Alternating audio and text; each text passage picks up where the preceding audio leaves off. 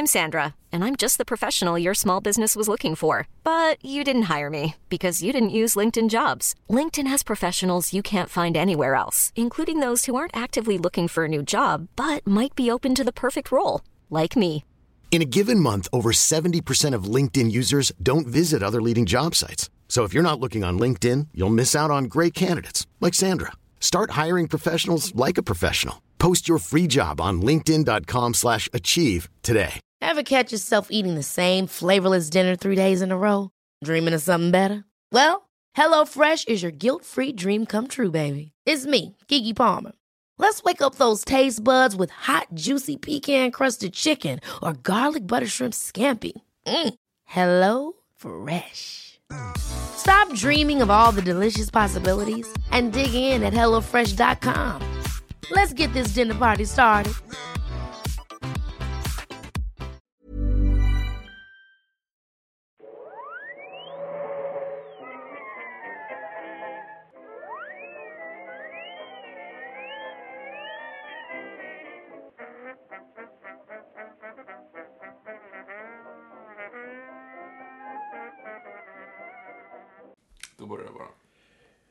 Yes. Välkommen till Nörden och jag. Det är jag som är nörden, Vilken Fabian extrem basröst du hade. där. Ja, jag märkte det. Jag gick ner en oktav. Då går jag ner i min källare. Där... Jag tror inte på den du skulle... Nej, Inte John jag vet inte vad det är. Det är Kacka Israelssons Ner i min källare. För där har jag min gamla hårmaskin. Ja, det är lugnt. Det är lugnt. Jag matar det, det med ta tabletter i Tack. den. Okej. Ja, och, och, vem är du? Eh, jag är jag, Viktor Engberg. Eh, exakt. Eh, det här är då podcasten presenterad av Moviesin.se eh, där jag och Viktor sätter oss ner varje avsnitt och gräver djupt i vår barndom. Hittar det vi på något vis älskade tillsammans. Viktor har glömt det. Jag älskade tillsammans, det lät fel. Det lät jättefel faktiskt. Det Det var inte lät som vi riktigt... älskade tillsammans. Det gjorde vi inte. Inte vad jag minns i alla fall. Inte jag heller. Kan vara något sånt här förtryckt... Förtryckt heter det inte. Borttryckt barnminne. Vad heter det?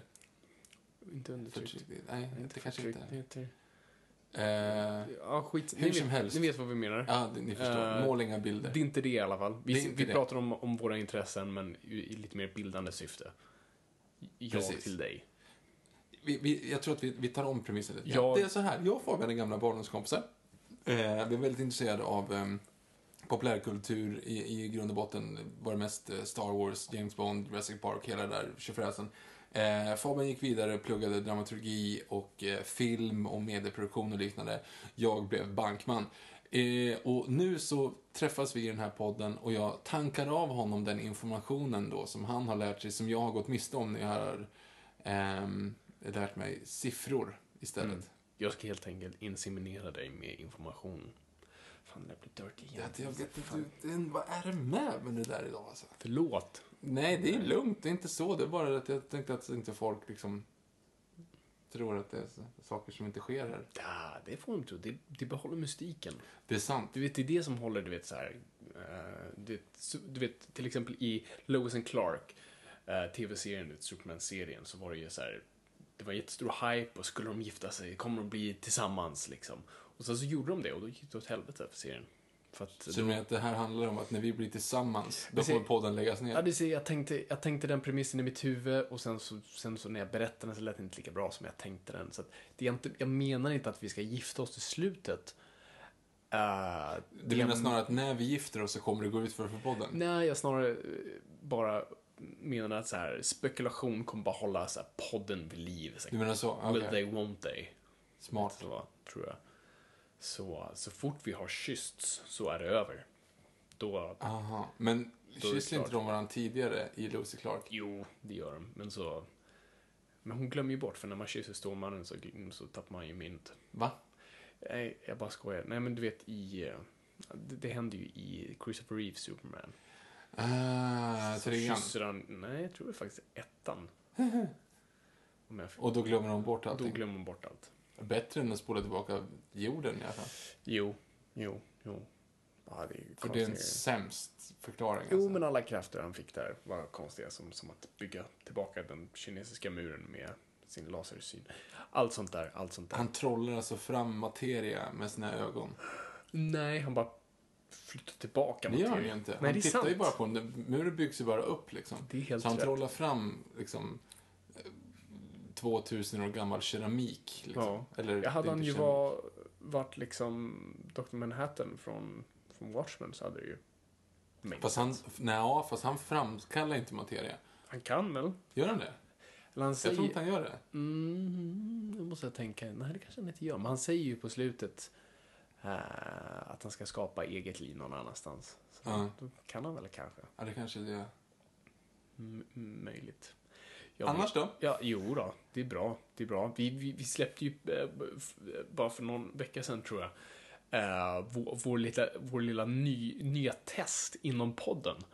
Yeah. Eh, för er som missade det, vilket jag hoppas att ni inte gjorde, så har vi eh, börjat med, eller vi tänker börja med DVD-kommentarer. Så här, eh, att vi, vi kollar på en film, ofta som vi inte tycker om, eh, och så gör vi ett litet kommentatorspår i realtid med filmen. Och så kan man då titta på filmen samtidigt som ni har oss i öronen. Så att det är som att sitta mellan oss här i soffan. Vilket skulle vara jätteirriterande, så det är tur att vi inte är där, utan du kan bara ha oss i- öronen och pausa när du vill. Dra ner volymen på oss. Ja, bara se filmen kanske. Ja, du skulle kunna stänga av oss, lägga bort telefonen och bara kolla på filmen istället. Exakt. Så att eh, vi, vi testade vårt första försök här. Och det blev eh, Batman och Robin. Ja. En ganska bra start. Eller dålig start, jag vet inte riktigt. Nej, men det är en bra start för att filmen är ju värdelös liksom. Och då har man en del att prata om. Så det är ganska, det, det, det är kul. Jag tycker nästa ska bli Jurassic Park 3. Ja, det är Jurassic Park 3 eller... Die Another Day eller något sånt. Ja, fast den är, det är liksom så här, den är bara semidålig egentligen. Mm. Alltså Jurassic Park 3 är ju dålig hela tiden. Ja, Precis som Batman Robin. Batman Robin. Mm. Ehm, så det är en sån lite så här train wreck man kan kolla. Du är ju ett fan av The Room. Skulle du vilja göra The Room? Alltså grejen med The Room är att den talar så pass mycket bättre för sig själv. Mm, det är sant. Alltså den är så jävla dålig så att man behöver inte ha ett kommentatorspår på den. Ja. För att det räcker med att alltså, du måste se vad han, du måste titta vad han säger. Alltså det, det, är, det är så... Ah, nej, jag, jag kan inte... Mm. Jag kan inte uttrycka mig ens. För er som inte har sett The Room så måste ni måste kolla på den. Tommy Wiseau, det är någon, någon nisse som sålt på tok mycket pengar och gör en, en film med sig själv i huvudrollen. Han själv regisserar, han själv skriver manus. Bara han skrivit in sig själv i typ 8-6 scener på, ja det är typ 40 minuter. Alltså det, det är så dåligt. Yep. Så jäkla dåligt. Jag vet inte om det stämmer, men jag såg massa tweets om så här, som fotade utanför hans jeansbutik tydligen. Att han äger en jeansbutik och på utsidan en jättestor poster på honom. Det Från. The Room. Eh, men jag vet inte om det, det stämmer. Men det vore jättekul vore om underbart. driver en jeansbutik. Men, men. eh, vi glömde ju också nämna sist. eh, du har ju faktiskt haft din, din 25-årsfest. Yes. Eh, Disney-tema. Yes. Bara några månader för sent. Ja, precis. men, men det är bra, det var ju varmare då. Nej, precis. Du hade ju, du, hade ju ett Disney-tema. Men det är ett ganska bra koncept ändå. Ja, vi tänkte så här, vi måste ju ge ut, alltså det är så tråkigt om man säger så, ja men klä ut till Disney och så kommer alla som Musse Pigg-öron i sina vanliga kläder. Så Ja. vi gav ju alla filmer. Så alla fick en varsin film som de då ska liksom, de måste klä ut sig till det. Eh, vilket gör att vi är väldigt differentierat och att alla går in i det. Det är lite så här, Mm. vet du att det är bara du som kommer gå som Toy Story, då måste du liksom prestera. Ja, exakt. Eh, så att det blir ju ganska Och då roligt. får du ju inte liksom, ja men du ska vara Buzz från, eh, från Toy, Nej, du Toy får Story. liksom Du får vilken- filmen, vilken du vilket eh, öppnar upp. Och du var ju väldigt outside the box, måste jag säga, som kom som... Fabian fick Aladdin. Ja, Och då tänker man så här, hmm, vilka karaktärer skulle man kunna vara i Aladdin? Jag tänkte mig liksom att, att du och sambon skulle komma som typ, ja men Aladdin och Jasmine liksom, eller kanske Jafar och jag och... Ja. Men de kom som Mattan. Jag kom som mattan. Eh, yes. Ehm, det, det var ja, men jag, jag, vill, jag, jag tyckte det var, det var en svår film för det första, för jag ville inte vara något självklart som, som Aladdin eller, eller Jafar. Anden hade ju varit roligt om det Ja, kom men då måste man måla sig blå, det orkar inte jag. Eh, Det är för jobbigt. Så att, uh, nej, så vi funderade ett tag och tänkte men mattan kan vara rätt kul för då kan jag bara krypa in i ett påslakan egentligen och bara limma på lite um, grejer. Men så eskalerade det. vi skulle först köpa en apkostym tänkte jag, ja, men jag kan vara Bo. De kostar 399 jag tänker, jag tänker inte lägga ner 399 spänn på en dräkt jag kommer använda en gång. Tänkte inte berätta vad min odjuret-kostym kostar i så fall. Nej, men det var din fest så det är mer okej.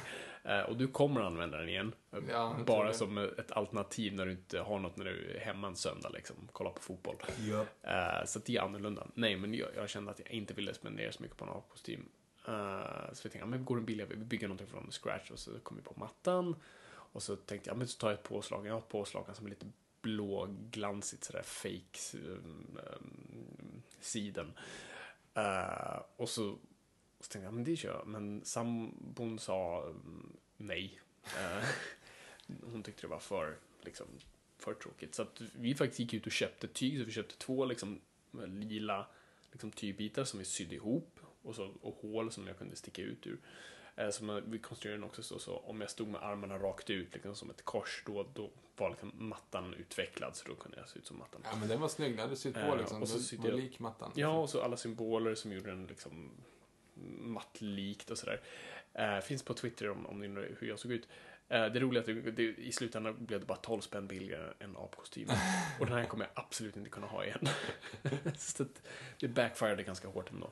Jag, jag och sambon var ju skönheten och odjuret. Eh, det var varmt som fasiken. Ja, du kissade inte någon gång tror jag. Eh, För att nej, du det- behövde det gick inte. För inte. att det, Det du gick- bara svettades ut. Ja, just det, allting gick ju. Men sen så hade det inte gått heller för att det liksom, jag hade en dragkedjan uppe på huvudet. Liksom. Jag hade tre Mm. olika kostymer på mig samtidigt bara för att man skulle liksom matcha ihop här.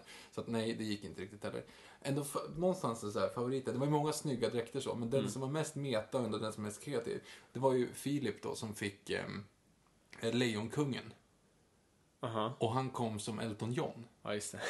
Det tycker jag är ganska bra. Den är bra. Ja, men det var Sen kom liksom Det är dock lite av en cop-out. Alltså att man på något vis är, ja, eh, alla vill ha en lösning där man kan bara ta på sig snyggkläder. Men fortfarande, jag han gillar, var ju- alltså, det var idén bakom det som var Men konceptet. snyggkläder, han hade ju liksom såhär Ja, men typ zebrabriller och, och Ja, ja, men det är ju bara liksom. accessoarer. Men, ja, Ja, jag, jag ja. menar, men det var kul. Alltså, jag, jag, jag är inte emot det, men jag tyckte det var kul. Nej, men det var snyggt faktiskt. Det, Mhm. var, det var riktigt kul, för Det det, var var väldigt hög, hög nivå på alla liksom. Ja, precis. Och så var det, och så sjöng sju dvärgar för dig och, Ja. Ja, det var fint. och sådär. Och, ja, det var roligt. Lyckad fest. Men inte därför vi är här. Det är inte därför vi är här. Vi är här en gång för att pr- prata om någonting. Eh, och den här veckan tänkte vi gå in på lite av det ju, jag, jag säger så varje gång, någonting jag är intresserad av. Men det är lite annorlunda. Säger vi också varje gång, men det är lite annorlunda.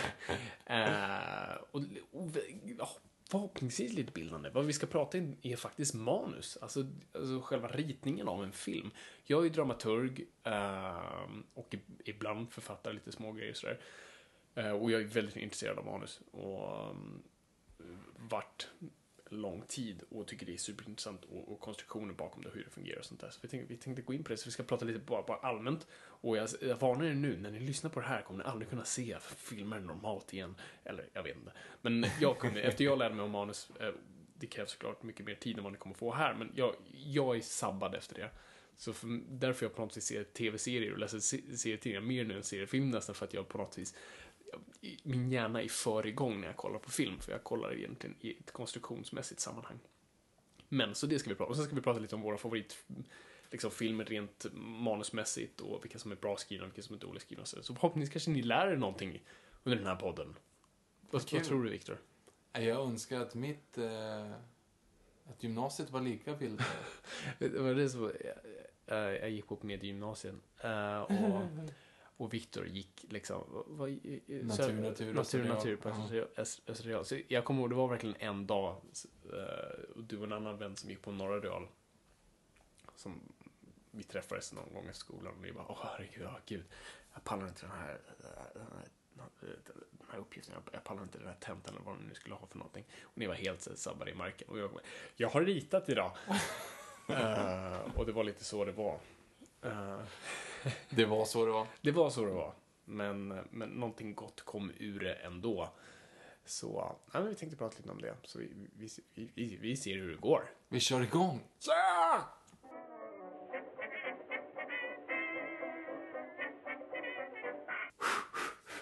Do, re, mi, fa, sol, la.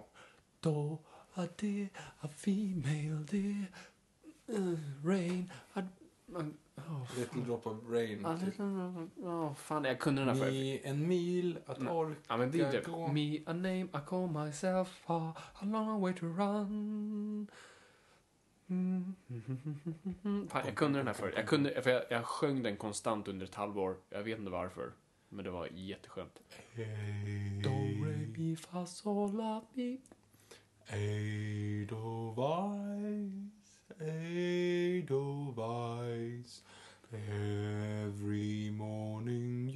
Mina fönster skakar, me.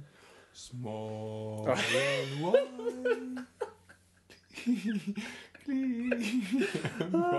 Den låten är så perfekt för det, för det går, så, det går samtidigt så djupt som så högt. Så blir jag, ja, det är underbart. Bless my homeland forever. Ja, vi, vi går vidare. För det är inte därför vi är här. Um. yeah. Dramaturgi. Dramaturgi, yes. Alltså manus. Vad, vad är ett manus för någonting? Manus är ett, är ett papper. Det är det, är det pappret. Tack och hej. nej, nej, nej.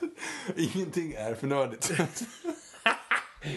Ah, vi såg ju till fokus idag. Ma- för mycket cola, alltså Coca-Cola, inte... ja, just det. Så, som ja. Uh, herregud. Okej. Nej men seriöst, vad är ett manus? Ett manus är eh, egentligen filmen på papper. Det är det, det är det vi bygger film på. Det är vad man kallar det blueprint, det är ritningen. Eh, allt du ser och hör är skrivet i ett manus, men inte i prosaform, utan i stort sett om du, om du kommer in i det här rummet för att spela in en podd, då skriver jag, skriver jag inte Viktor kom in i rummet.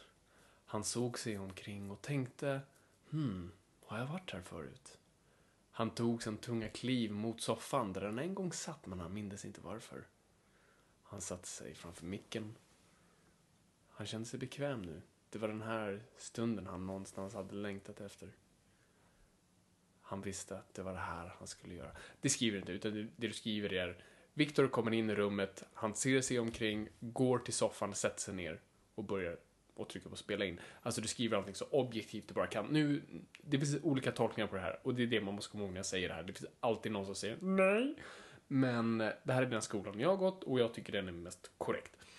Eh, du skriver alltså objektivt du bara kan i stort sett. Så att den, gick, den går dit och den gör det. Du skriver aldrig hmm, den här personen tänker så här här. För det kan du inte visa på film. Så att du kan aldrig Det är beskriva upp till skådespelaren helt enkelt. He, helt enkelt, och regissören, du kan aldrig beskriva en tanke eller en backstory. Du kan aldrig, så här, om du dyker upp för första gången i scen, man gör en kort beskrivning, men oftast rent visuellt, om det inte är någonting mer än nödvändigt. Så. Viktor kliver in, 25 år gammal, blå ögon, brunt hår, eh, tre dagars skäggstubb. T-shirt och avklippta jeans. Slog sig ner vid vår plats, presenterade sig så Tänkte som att du skulle Mats. göra det. Slog en annan ton och började sjunga mitt i vår konversation. Mm, ja, mi- mitt i vår konversation. Tack. Hur som helst. Nej, men så, så allting är så objektivt som möjligt och sen så skriver du då repliker som de då låter, men du skriver helst inte som hur de ska låta. Men du skriver väl ändå på något sätt en beskrivning av, av vad som kommer upp. Jag har ju läst Jurassic Park-manuset. Då är det ju så här Tyrannosaurus så box-like head och hela. De beskriver ju ändå vad det är. Jo, men man, ibland, och särskilt när man kanske beskriver en T-Rex, är det svårt att så här... För den som kanske inte vet hur en T-Rex ser ut. Tyrannosaurus, tre år gammal, Precis. brunt hår. Man försöker ibland ge en, liksom, försöka ge en känsla i en beskrivning. Och då kan man ibland gå liksom, ett steg längre, men du går inte längre än nödvändigt. Eh, för det, i slutändan kommer inte se det och det kan bara, ja, upp till tolkning. Och du ska helst inte tolka ett manus, utan jag ska bara läsa och se, ja, ah, det här är det det är. Och Okej. det här går att göra någonting med, antar Det här jag. kan jag göra och det här kan jag ta. Okej, hon, hon beskrivs bara som en blondin. Okej, men hur ser den här blondinen ut? Vad har hon för klänning? Det ska jag- Om inte klänningen är då inskriven av en viss funktion. Allting i manus ska alltid fylla funktion, det är det viktigaste. Du ska aldrig skriva någonting som, är, som inte leder någon vart. Man brukar säga att allting som står i manus ska antingen röra storyn framåt eller beskriva karaktären. Resten kastar du. Eh, låter väldigt strikt. Alltså, ett manus är alltid en konstruktion för att på något vis lura dig att tro att ja, Så till exempel att deras föräldrar ska skilja sig i Jurassic World är liksom det är ingenting. Ja, det, där, är ju, där är ju tyd, det där visar ju på dåligt manusfattande. För där försöker de ju på något sätt beskriva karaktären i det. eh, I de meningarna genom att visa tillstånd. Men samtidigt försöka ge karaktären ett slags djup och problem. För att man brukar oftast inte se skillnaden på komplexitet och problem. Så man tror automatiskt att ge, att det ger problem, Viktor. Om att eh, du precis är dumpad men det ingenting med storyn att göra. Ja, men då, då bör det inte vara där. Liksom, om det inte är någonting där för att faktiskt motivera dig eller ger ett slags hinder. Så att Lisas mamma har bröstcancer i The Room Den, den hade kunnat skippas Den, alltså. den kan skippas ganska Okej. rejält faktiskt. Ja. Eh, så det är sant. Nej, men, och ett manus är som sagt till för att manipulera dig hela tiden. Och varje manus är i stort sett densamma med såklart undantag. Eh, Independent-filmer brukar klippa ifrån det eller någonting annat. Men, men i grund och botten så brukar manus ha en struktur som ständigt återkommer. Och det har varit, alltså det är tillbaka till grekernas tid med, med deras drama. Och sen Shakespeare, det har liksom alltid funnits där, kommer alltid vara för att det fungerar. För att du ska kunna sitta i två plus timmar och vara intresserad av någonting. Och då måste du faktiskt manipuleras, tror du eller ej. Och det, det gör du via story oftast. Men visst är det, det är de här plockpunkterna du pratar Ja, om? plockpunkter är då ett sätt, i, i en formula som de flesta använder. Eh, och då kan vi se hur vi kan beskriva det på bästa sätt. Alltså, plockpunkter är det man brukar kalla, eller vändpunkter. Det, det är en eh, stund i storyn då någonting händer som förändrar storyn och leder oss in på ett nytt spår. Eh, i, det brukar vara två stora, vissa brukar kalla det fem, vissa säger tre, vissa säger olika. Jag brukar egentligen använda mig av och, och, och tänka i form av att de, det är de viktiga två. Och det är de två som leder oss in i diverse akter och det brukar finnas tre akter. Så du har den första akten som är då inledningen där vi introducerar alla karaktärer och vi lär känna dem, Frodo i Shire och allt det där. Ehm, alltså det bästa, egentligen det, det bästa manus ehm, exemplet är American Beauty. Mhm. American Beauty är fantastiskt konstruerat manus, säg vad man vill om den filmen. Jag tycker om den. Den är grym. Men dess manus är fantastiskt väl konstruerat. Så om någon vill börja lära sig skriva manus kan man bara titta på den. Och Chinatown, det kan vi också komma in på. Men eh, i alla fall. Bara första akten där så, du vet, vi ser den här, vi, vi hör en narration av då Lester heter han va? Jag vet inte. Kevin Spaceys karaktär. Och vi möter hans familj, han berättar om sin morgon, sin dag och vi, liksom, vi följer hela hans liv. Och eh, vi vet inte vad storyn är. Första gången vi ser den. Så ingenting egentligen säger om vad storyn ska vara. Men vi sätts i alla fall upp för vad det eventuellt skulle vara. Så vi ser att det är en man i desperation. Medelålderskris, inte lyckas med sitt liv, sitt jobb, sin fru, sin familj, allt det där. Och då undrar man vad det ska ta någonstans. Eh, så, det, så första akten är för att visa tillstånd. Eh, nästan en status quo som vi måste ta oss ut. Liksom, Frodo trygg i Shire. Vill inte därifrån, tycker det är ganska mysigt där. Så vi måste tvinga den här karaktären ut ur sitt skal. För det är det vi vill se. Så vad händer i American Beauty? Jo, eh, Kevin Spacey går för att se sin dotter vara cheerleader. Och där ser han då en ung, kan man säga kvinna, flicka? Ja, det är väl en kvinna, tror jag. Ja, tonårs, eh, dotterns bästa kompis. Eh, och han blir förförd. Han drömmer sig in då i den här drömsekvensen där han ser henne dansa för honom endast. Och efter det förändras hans liv. Så där kan, kan vi kalla den första plottpunkten, den första vändpunkten. Nu har han ett mål och detta är väldigt viktigt i manus att en karaktär måste alltid ha ett tydligt mål. Än en gång, Frodo slänga ring i lava. eh, jag gillar att jag använder de här två filmerna. Eh, så Lester har nu ett mål. Jag ska porka henne. Stort sett. Men det är inte det det egentligen handlar om. Utan nu måste han förändra sitt liv. Måste han förändra, så han ser på något vis hennes ungdom och hennes, liksom, hennes karaktär är någonting som han vill på något uppnå. Och, och det ger honom nytt liv. Bara, han har inte haft något mål. Han har haft ett jobb han hatar och allt det där och en familj som han inte... Han, liksom, han är en status quo han bara inte kan få grepp om. Men nu vet han var han ska någonstans. Så då ser vi hur han vet, säger upp sig från sitt jobb och han börjar ha en annan attityd till sin familj och fru. Och han börjar genomgå en slags förändring. Och vi börjar se hur han börjar ta sig ur sitt skal för att komma mot någonting. Och eh, det finns hinder på vägen och det där är också, du måste alltid kasta hinder på din karaktär. Orker, kasta orker på Frodo. Eh, massa, massa orker. Eh, och allt annat. Och det blir hinder på vägen som hindrar honom från att ta sig till det här målet. För det får inte vara en rak väg, det måste vara en kringelkrokig väg där du stöter på Tom Bombadil som sjunger för dig i herregud. 200 sidor. Uh, alltså, Sagan är en ganska bra exempel rent manusmässigt, men ett jättedåligt exempel bokmässigt, för det händer ingenting i boken. Den är verkligen, ska man inte titta på. Ehm, nej, men så, så karaktären måste alltid ha liksom, de här hindren som, som tar en från att komma dit den ska. Eh, så då kan det antingen vara i American Beautys fall, liksom familjen och, och hon själv, den här ungdomen som han är förtjust i, som dissar honom eller vad som helst. Och, eh, allt sånt och hans egen kropp när han tränar och allt sånt där. Vi måste hela tiden ha hinder. Eh, och, det, och den här andra akten, så låt oss säga, om, vi- om vi säger att en film är två timmar, så brukar första vändpunkten komma efter 30 minuter. Kolla på vilken film som helst där efter 30 minuter. Sorry att jag sabbar all film för er för all framtid. Kolla på tidskoden 30 minuter och runt där mellan 25 och 35 minuter så kommer någonting hända. Som oftast leder oss vidare. Så, ah, nu vet jag vad filmen handlar om. Okej, så Neo tog pillret. Spiderman blev biten av en spindel. Ja, precis. Iron Man uppfann en dräkt. Exakt. Så... Captain America fick ett... Och så, det, så det är 30 minuter. Och sen brukar andra akten vara lite längre. Så den brukar kanske dra, så den är då kanske 60 minuter lång. Så då är vi uppe i en så här 90 minuter och vi kommer mot plottpunkt 2 som leder in i akt 3. Och vad är plottpunkt 2 då? Väl, eh, den är ganska svårdefinierad och många vet fortfarande inte riktigt vad det är. Jag har själv svårt att greppa om det. Charlie Kaufman sa det känt, jag vet fortfarande inte vad tredje akten är. Eh, och den är svårdefinierad, men den ska också så här, vända storyn en extra gång. Nu ska vi verkligen veta vart vi är på väg. Eller inte. Nu är vi förvirrade. Liksom, nu är inte målet lika glasklart längre. Som i American Beautys fall så är målet liksom porka bruden eller nå bruden eller liksom jag vill komma ur mitt skal, jag vill leva ett nytt liv. Men vad som vänder hela den, liksom det målet upp och ner är när han säger You know that, uh, that sign that says this is the first day of the rest of your life. Well, that's true, except the day you die.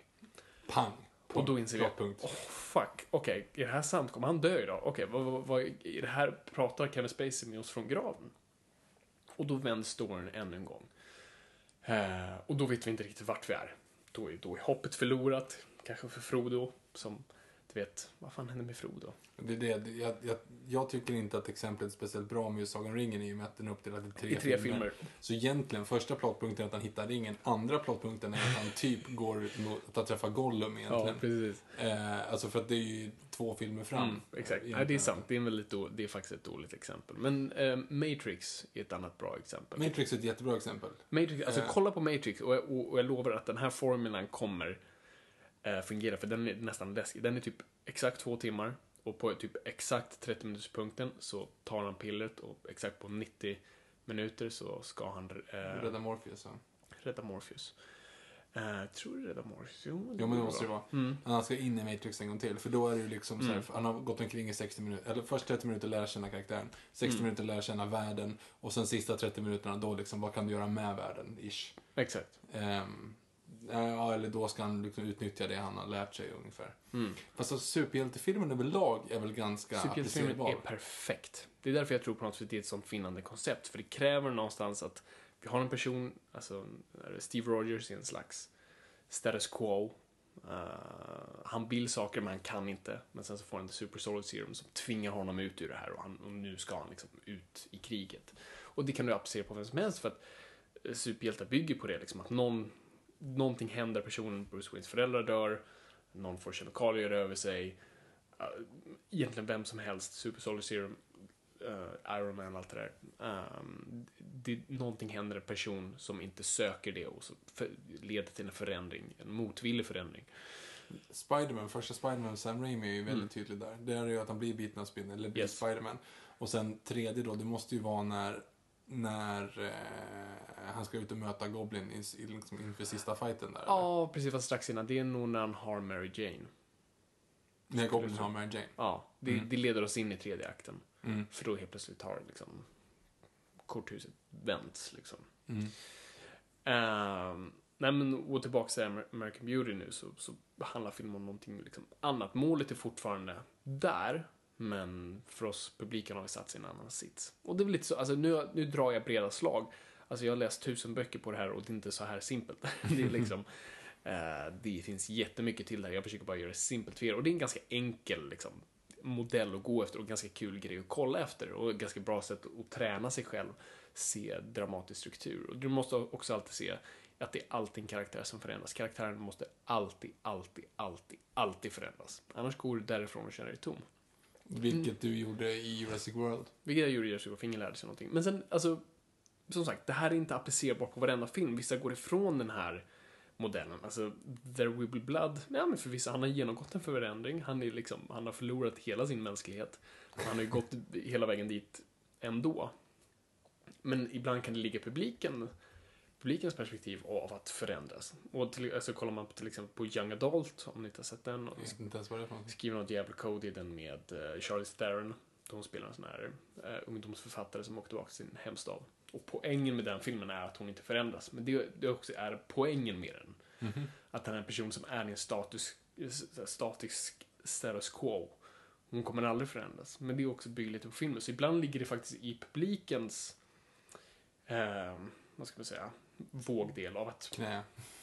Ja, ja, men inte av att publiken kommer förändras, men att de kommer förändra perspektivet. Men någonting måste alltid förändras. Och det spelar ingen roll vilken fi- film du ser på. Det finns ingen film som börjar på samma plats den slutar. Nästan alltid. Det är, nu, jag kommer säkert få arga tweets bara, den här filmen. Eh, det finns alltid någon. Eh, men alltså 90% av tiden, 95%. Bat- Batman Robin. ja. Ja, det, är det är ju det här som är lite... Batwoman. Det är ju det här som också faktiskt blir problemet med superhjältefilmer, i alla fall uppföljare, är att superhjältar kräver ju också en status quo. Du vill ju inte att Bruce Wayne ska förändras på ett vis, för då kommer han att sluta slåss. Och det är väl det som är lite problemet i Nolan-trilogin för min del. För det är här dramaturgen i mig slåss mot nörden i mig. för jag vill att Batman ska alltid vara Batman, och det är det som är poängen med Batman, att han aldrig förändras riktigt. Men Uh, Nolan är uh, mästare på sitt sätt och en väldigt duktig manusförfattare. Och han förstod att, okej, fine, du nörd som tycker det här. Men 95% av de som kommer gå och se den här filmen tänker inte så. Utan de vill se en person som genomgår en förändring. Och det är det som han inser med filmernas gång, att han på något sätt inte vill vara den här personen, utan han kommer kliva ur det. Och i sista filmen så lyckas han. Eller inte, vem vet.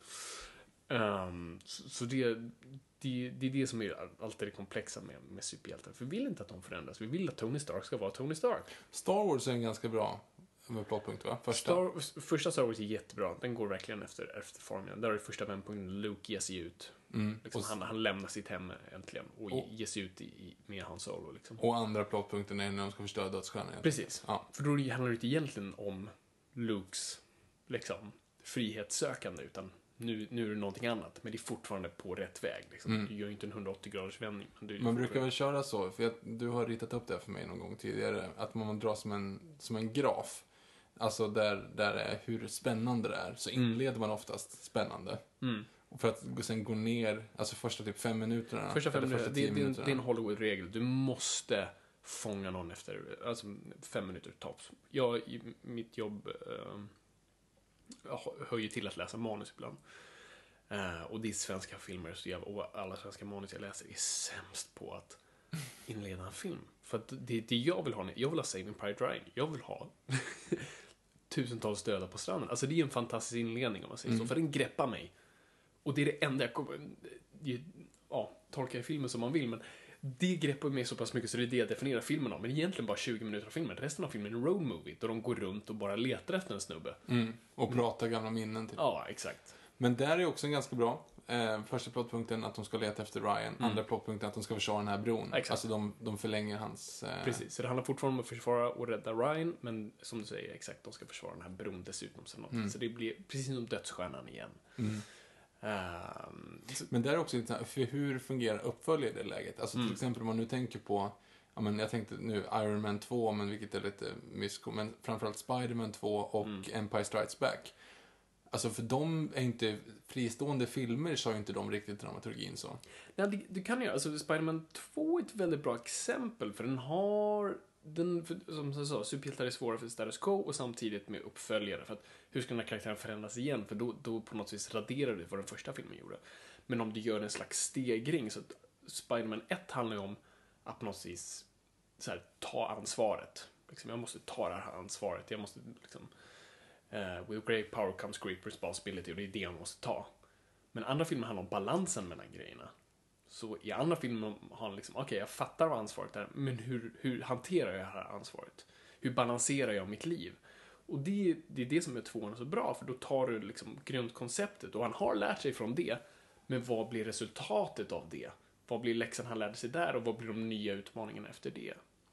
Och det är därför den tycker jag fungerar så mycket bättre. Så att du kan göra det om du vill. Och Nolans filmer gör också. Alltså, Batman Begins handlar om någonting helt annat. Man brukar sätta det i teman till exempel. Första eh, filmen handlar ju om rädsla, det är ju ett väldigt starkt tema. Scarecrow och allt. Men det handlar ju om att Bruce Wayne ska på något vis få kontroll över sina rädslor och sina inre demoner. Och andra filmen handlar ju inte alls om det. Det handlar om kaos. Det handlar om hur Bruce Wayne ska på något vis kunna bara greppa ett koncept som, som eh, ja, egentligen bara rent kaos.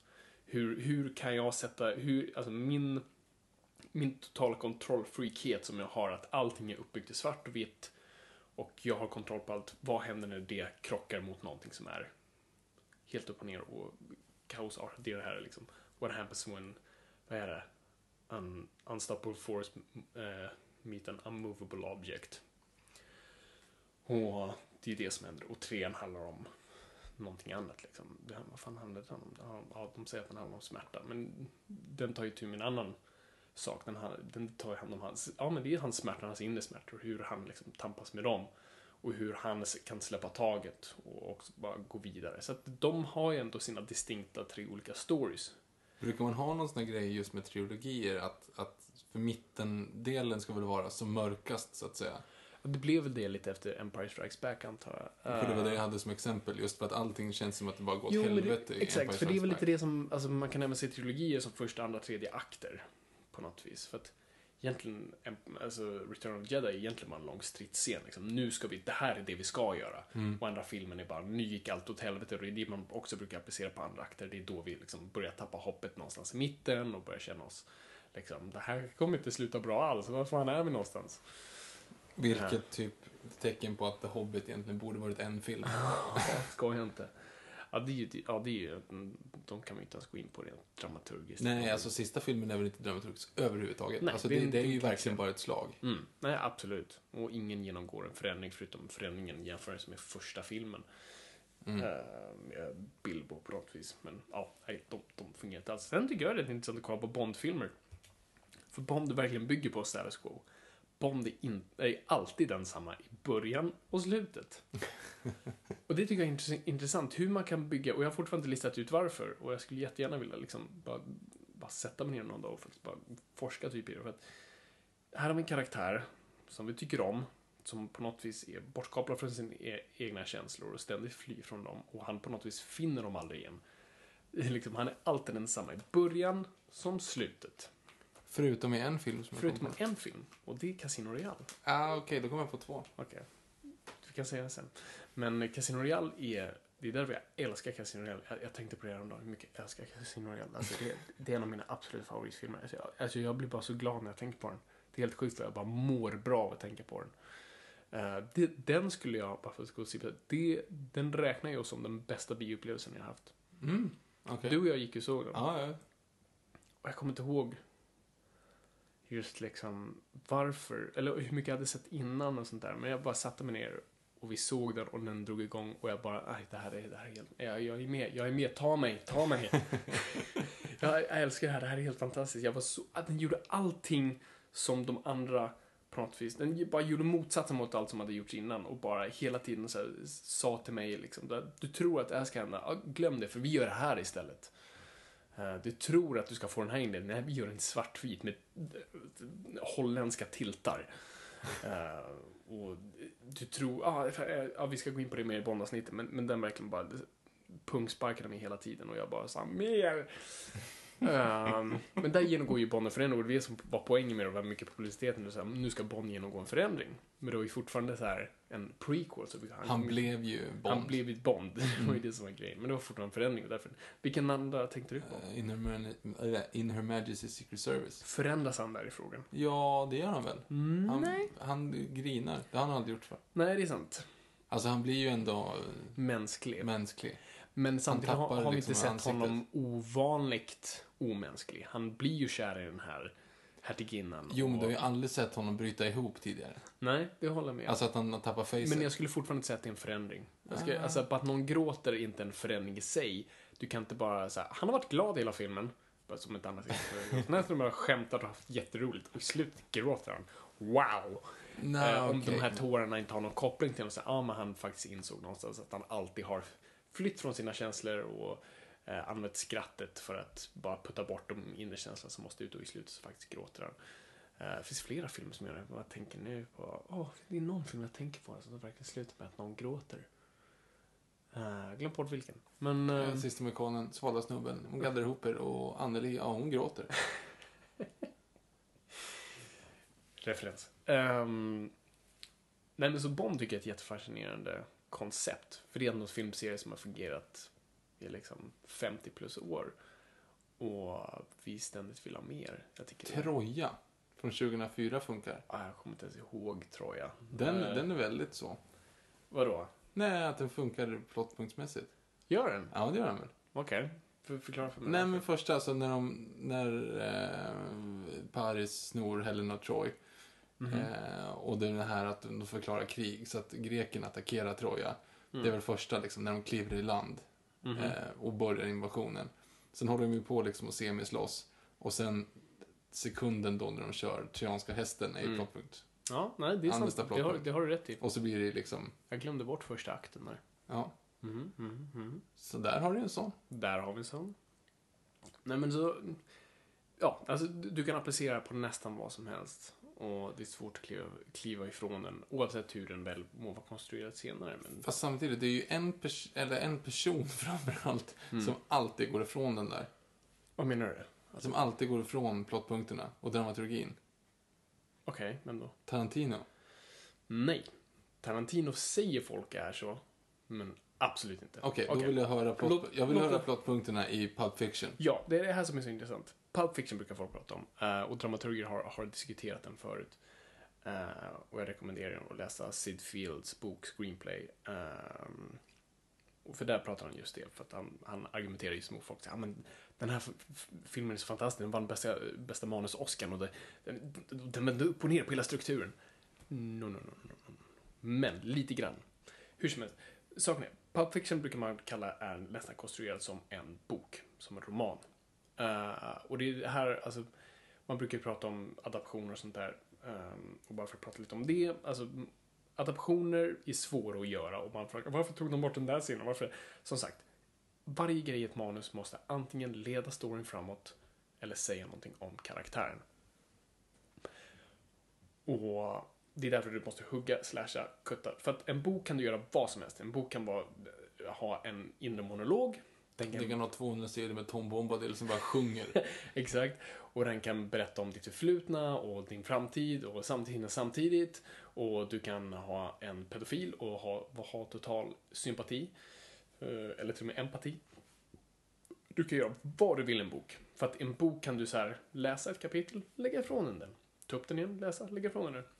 Gå tillbaka. En film är, är en berg och dalbana. Du sitter fastspänd, såklart nu med DVD och sådär, men filmen är fortfarande inte konstruerade för att ah, jag pausar den här filmen nu i två dagar och så ser jag vidare sen. Utan du ser oftast filmen i ett svep på bio. Så att där kan du inte riktigt göra så, utan du måste ha ett narrativ som rör sig framåt hela tiden så att du inte tröttnar och somnar eller pausar. Och böcker slipper göra det. Så man brukade kalla uh, Pulp Fiction för en roman, för att den hade ju så mycket olika spår och vi, vi, var, vi var där i den tiden och vi var där bak i, i, i, i, i den tiden och Travolta är död där men sen är han ju där och vad fan det här är ju ju helt sjukt. Vad Pulp Fiction gör är att den har flera kortfilmer Mm. kan man egentligen säga. Mm. Den berättar inte en sån stor story mer än att den sluter sig full cirkel. Så ska vi säga, vad är första storyn i Pulp Fiction? Kommer du ihåg? Första, vet jag inte. Storyn. Ja, men vad menar du? Ja, en story är ju Vincent Vega som ska ut, ta ut Uma Thurman. Ja. Det är ju en story. En Precis. story är Jules och Vincent som ska gå in och, eh, och plocka Marcellus Wallace Mm. själ. En story är Butch där att han ska lägga sin match, han gör inte det. Mm. Eh, och så ska han fly landet, råkar glömma sin klocka och då träffar han på... Eh, Beskrev du nu inte precis tre akter? Butch tar pengar för att lägga sig en match. Han gör inte det. Liksom, plottpunkt där. Och sen har du klockan, även en plottpunkt där. Alltså, alla de här storyna har en, en konstruktion av förändring. Att allt är att någonting går åt ett håll, sen vänder, går åt ett annat, vänder igen, går ditåt. Ja, Så att trots sant. att filmen inte har ett narrativ som går från punkt A till punkt B så har fortfarande Pulp Fiction en ashård dramaturgi i sig, bara i små delar i de här små kortfilmerna. Hur du än tittar på det så är det en Mhm, superdramaturgi. För det är fortfarande personer som är på väg någonstans, någonting skiter sig och de måste vända, någonting skiter sig igen, de måste gå åt det hållet. Så att, tro mig, det finns där också. Mm. Så det spelar ingen roll. Tarantino använder sig absolut av de här konstruktionerna på ett, på ett annat sätt och det är därför han ansågs vara liksom, revolutionär. Men så revolutionär var han inte. Hur, alltså Tarantino tycker jag är rätt intressant på ett vis för att han var nog, jag tror nog, bland många var väl han den första som man tänkte så här, "Oj, folk pratar ju så här. Eller hur? Det var, det var det jag tänkte. Jag kom, du, vi såg ju Tarantino-filmer tillsammans. Vi ska prata mer om Tarantino Vi kommer ta Tarantino Just det, avsnitt han när sa. Hateful Eight kommer. Ja, men, men jag kommer ihåg när jag såg uh, Reservoir Dogs och verkligen tänkte bara shit, folk pratar så här. Och det var, det var en slags så här, aha moment för mig. Att säga, ah, filmer kan göra det här. Och det var mycket för hans manus och hans manus är det vi pratar mycket om. Och det är ju främst hans dialog. Sen har jag vissa problem med Tarantino. Mm. Men det ska vi komma in i Tarantino-avsnittet. Men eh, han är ju främst dialog, miljö, karaktär snarare än plott och struktur och framåtrörelse. Men struktur finns där, absolut. Alltså, Django kan man diskutera Fast där är eh, manusmässigt, men där, Ja. har du, där har du dem. Du har dem där, men jag tycker ändå liksom att, att mittpunkten där är så jävla tråkig. Ja, skittråkig. Och Den sen, leder ju ingenting. och Alltså, om sen andra vän- Planning for your next trip? Elevate your travel style with Quince. Quince has all the jet setting essentials you'll want for your next getaway, like European linen, premium luggage options, buttery soft Italian leather bags, and so much more. And is all priced at 50 to 80% less than similar brands. Plus, Quince only works with factories that use safe and ethical manufacturing practices. Pack your bags with high-quality essentials you'll be wearing for vacations to come with Quince. Go to quince.com slash pack for free shipping and 365-day returns. I'm Sandra, and I'm just the professional your small business was looking for. But you didn't hire me because you didn't use LinkedIn jobs. LinkedIn has professionals you can't find anywhere else, including those who aren't actively looking for a new job but might be open to the perfect role, like me. In a given month, over 70% of LinkedIn users don't visit other leading job sites. So if you're not looking on LinkedIn, you'll miss out on great candidates like Sandra. Start hiring professionals like a professional. Post your free job on linkedin.com/achieve today. Hey, it's Ryan Reynolds, and I'm here with Keith, co star of my upcoming film, If, only in theaters, May 17th. Do you want to tell people the big news? All right, I'll do it. Sign up now and you'll get unlimited for $15 a month in six months of Paramount Plus Essential Plan on us. Mintmobile.com slash switch. Upfront payment of $45 equivalent to $15 per month. Unlimited over 40 gigabytes per month. Face lower speeds. Videos at 480p. Active Mint customers by 531.24 get six months of Paramount Plus Essential Plan. Auto renews after six months. Offer ends May 31st, 2024. Separate Paramount Plus registration required. Terms and conditions apply if rated PG. punkten som leder, alltså tredje akten är ju egentligen typ, här börjar tredje akten. Nej, vänta nu. Det här är inte alls tredje akten, vänta. Vi går tillbaka, nu är det tredje akten. Ungefär så filmen jobbar. Mm. Uh, vilket får den att fungera lite halvdant. Men när vi ändå är inne på just så här, hans struktur och just så här, tredje aktstrukturer och, och framförallt liksom kanske mer actionrelaterade actionfilmer. Vi var inne på det lite i, i um, Terminator-avsnittet, vi kan utveckla det mer. Actionfilmer kräver ju hård framåtrörelse. Mhm. Eh, och det är väl där du lätt kan se hur actionfilmer misslyckas, är oftast att i brist på framåtrörelse, det bara smäller, och, men ingenting egentligen händer. Eh, och jag brukar oftast ha exemplet som jag nämnde då, är Inception och Matrix Reloaded. Och kollar vi på Inception så ser vi hur det ständigt framåtrörelse. Målet är så jävla simpelt. Det är det som gör det så briljant. De ska ta sig verkligen från punkt A till punkt B, trots att det är olika nivåer av drömmar. Liksom. Men de ska ta sig liksom till hans totalt inre subconscious för att liksom, hitta det här kassaskåpet. Eh, De ska plantera en idé så djupt ner de kan. Hur, hur simpelt är inte det? Liksom? Väldigt simpelt. Supersimpelt. Du kan, det är en elevator pitch. Mm, som jag nämnde tidigare, det är liksom Hollywood-term där man sa att man skulle kunna pitcha en idé i mån av hur lång liksom, hissresa du hade med den exekutiva producenten. Så det är en ganska simpel pitch. Liksom. Ja, men de ska plantera en idé i hans huvud. That's it. Sen är det jättekomplicerat på vägen dit. Men folk säger ah, det är, Inception är fantastiskt komplicerat manus. Egentligen inte. Alltså, jag tvivlar inte på att de var sjukt jävla svåra att skriva. Jag älskar Inception. Um, men i det komplexa så är det fortfarande en väldigt simpel struktur. Det är väl därför han kunde vara komplex, för han visste vad målet var. Så att du liksom, han kunde liksom bara peta in de här komplexa grejerna. Det här är ju också ganska viktigt om du är aspirerande manusförfattare. Ha, allt, liksom, ha allt i ditt huvud innan du skriver det. Du måste alltid veta vad målet är. Man kan inte börja skriva, ah, jag skriver någonting om en kille som, som är lite ledsen. Ja, men vad är han? Du måste alltid veta var han är på väg. Och Nolan visste alltid var han var på väg. Så du har det, liksom, du ska dit och det är hela tiden hinder dit i de här nivåerna. Då de här liksom, inre agenterna i hans huvud emot dem. Och du har eh, tiden emot dig, du har limbo emot dig. Du har liksom, alltihop liksom, slår mot dem hela tiden.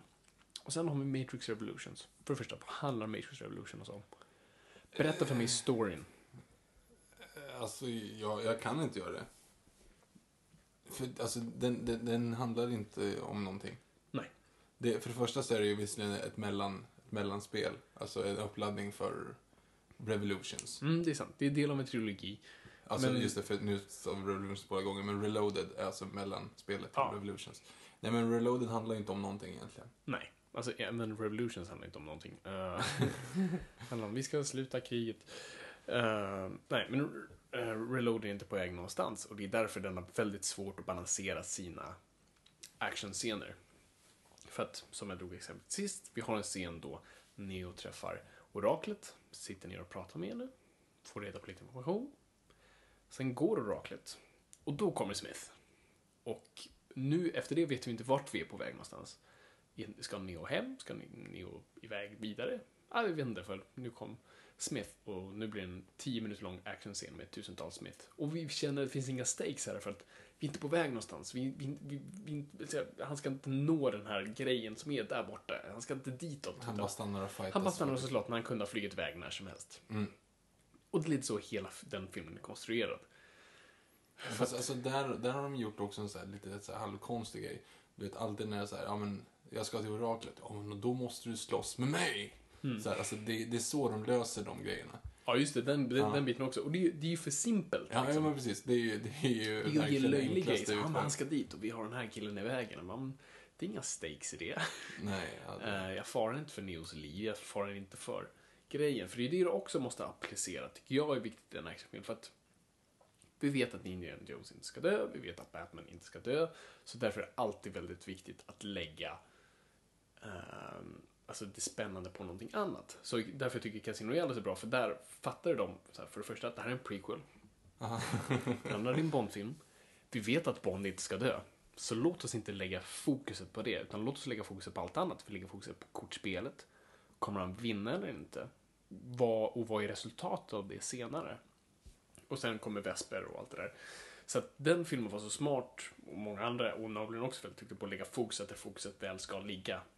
Så i Dark Knight så ligger inte fokuset på kommer Batman leva eller inte, utan fokuset ligger på båten till exempel. Så kommer de springa varandra eller inte.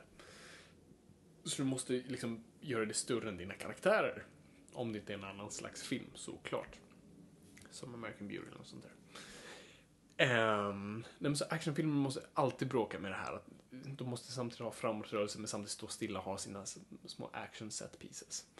Och därför är actionfilmer, så det är det ni kan fundera på när ni ser en actionfilm och fundera på varför fungerar inte den här för mig? Varför här känns det inte bra? Det är Typ troligtvis- Transformers. Ja, det är ofta, ja, precis. För det är för att robotar springer runt i en ring och slår varandra med basebollträn. Alltså det är verkligen så.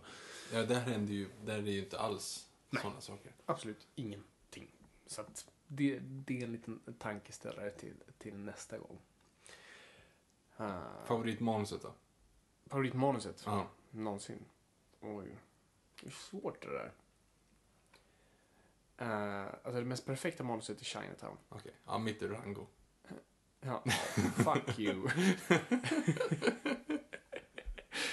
För er som inte har sett Chinatown, men kanske bara Rango, vi- eller båda, bara inte medvetna, alltså att Rango är bara stulen rakt av. Alltså, och, och, men de har förklätt det i en hyllning.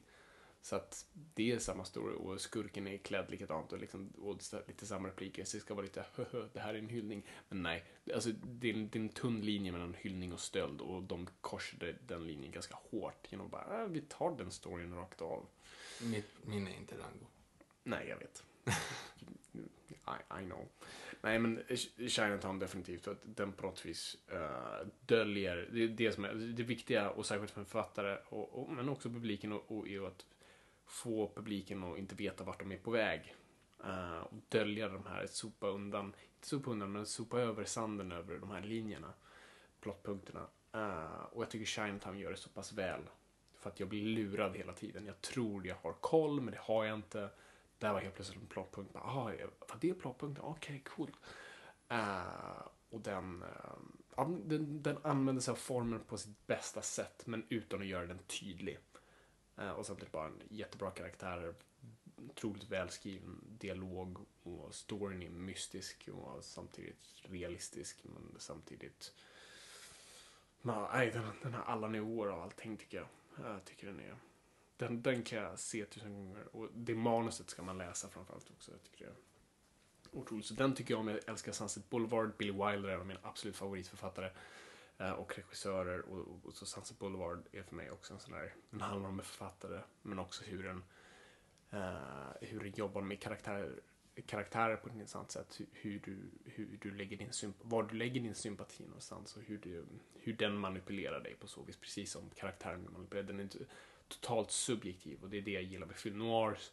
Jag är ett stort film noir-fan och, och film noirs handlar så mycket om subjektivitet, att sätta sig in i en persons huvud, liksom mentala tillstånd och manipuleras med den. Så praktexempel, alltså Nolan är ju ett jättestort film noir-fan så han gillar att göra det bokstavligt talat. Som Memento så ville han sätta dig så pass mycket i karaktärens huvud så att okej, okay, så den här karaktären är äh, korttidsminnet är borta. Så hur gör jag det bäst för publiken att förstå? Om jag gör filmen baklänges så att du följer med honom i hans förvirring.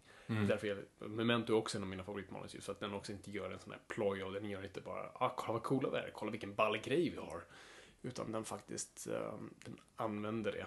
Den, den lägger in det i plotten av att vi ska ständigt liksom vara med den här karaktären på den här resan och sätta oss in i hans tillstånd. Ja, det är ju, men jag tänkte säga också, Prestige är ju, är ju så. Prestige är skitbra också. Samma sak där, en, en, en um, noir-struktur mm. av att sätta oss, oss, in i, i en av karaktärerna och inte förstå, liksom, och manipuleras då. Den filmen manipulerar en, alltså jag blir så arg på den varje gång, ja, olycklig. Alltså, när, när man ser om det, jag ska inte säga, för de som inte har sett Prestige ska jag inte avslöja, men man ser man den. känner sig dum i huvudet. Man, man känner sig så gång. dum i huvudet och inte ja. så här, åh oh, herregud, nej, Bruce Willis visar sig vara en insekt. Utan, um, det, var, det stod dig, det, bara, det var mitt i ansiktet på dig. Mm. Men Nolan är så expert på det, att så här, på något vis Visar dig någonting. Men så står han och vinkar i bakgrunden. Han sätter någonting i förgrunden och så står han och vinkar i bakgrunden. Så man sitter bara, ah, vad fan är det där? Fan, jag ser inte på Någon vinkar där borta. Vad fan är det? Jag ser, jag ser inte det riktigt.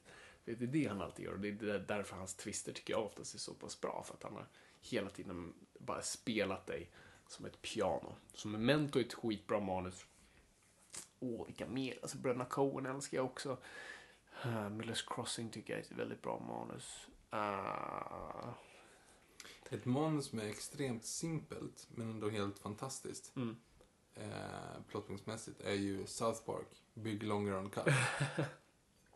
Jättebra exempel. Där har du ju liksom, det är ju plottpunkt, det är verkligen standard 1A när det gäller dramaturgi. Mm. Men just att de får det att funka så jävla bra med alla små grejer, liksom när det handlar om detaljer mm. och, och um, dialog istället.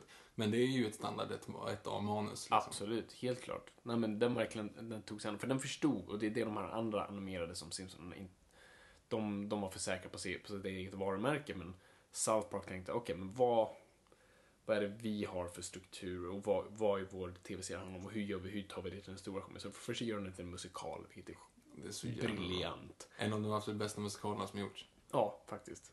Uh, såg Book of Mormon i London för övrigt. Så jävla bra. Um, men, ja precis, de tar musikalbiten och de gör det verkligen till en film. Trots med den här simpla animationen. Därför den fungerar så pass väl. Jag tycker, ja, jag tycker den är Den är fantastisk. Och då, jag, gillar, jag gillar inte speciellt mycket eh, Simpsons alls faktiskt. Simpsons-filmen. Det är också egentligen en ganska enkel struktur, men där tappar de allting runt. Ja, precis. Och de förlitar sig mycket på sin... Alltså... Vad ska man säga?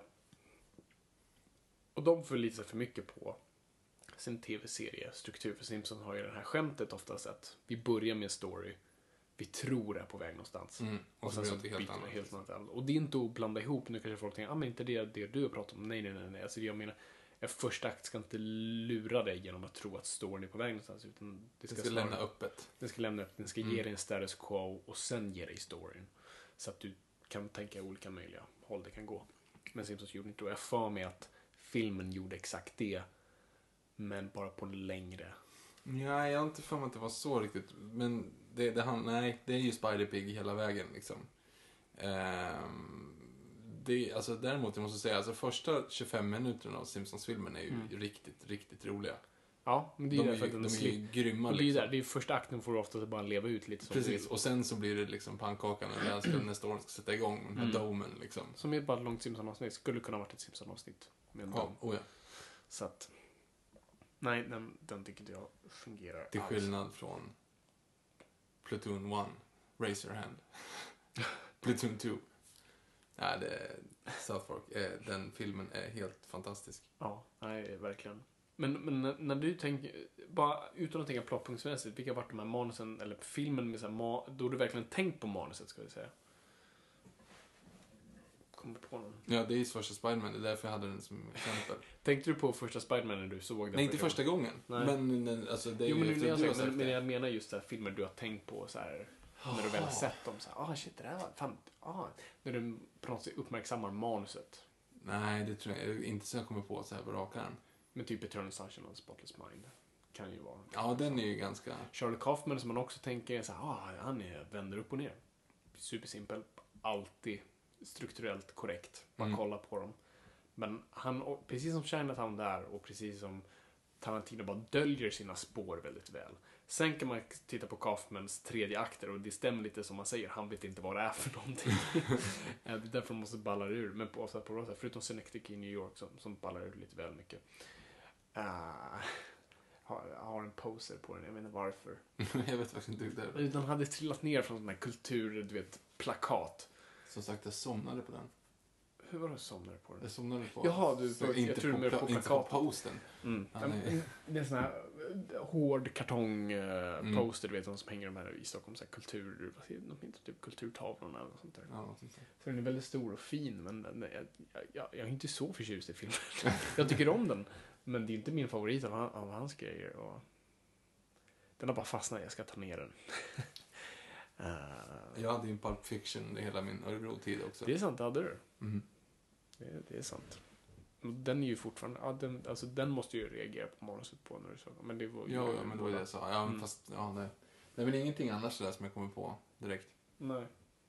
Faktiskt. Ska, vi- ska, vi, ska vi kolla på svensk film? Eh, och jag var inne på det lite tidigare. Jag läst många manus och jag gör det ganska ofta. Eh, och jag möts av samma problem jag ser i svensk film. Och, och det besvarar ofta sak, uh, termen som, vi, som jag tror blir unik svensk när man säger att ah, det var bra för att vara svenskt. uh, och det är för att vi har absolut ingen respekt för struktur, för vi tror att vi står över struktur, för vi ska vara väldigt konstnärliga i det här landet. Så att vi är alltid så här, fuck the law, fast ändå inte. Ehm, men jag tror alltid på, ska du bryta mot reglerna måste du veta vad reglerna är. Och vi har inte läst regelboken innan. Jag är för, liksom, om du har läst regelboken och sen säger, ah, men kan, jag kan det här men jag vill inte göra det. Okej, fine.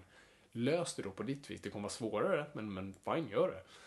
Um, och det är det vi svenskar oftast gör. Vi bara, nej, jag, jag behöver inte titta på den här. Jag, jag kan skriva den här storyn själv om en, om en vilsen tonåring. Jag ska, jag ska skriva om en vilsen tonåring. Vi har några. Nej, jag ska skriva om en till. Den här ska vara så jävla vilsen.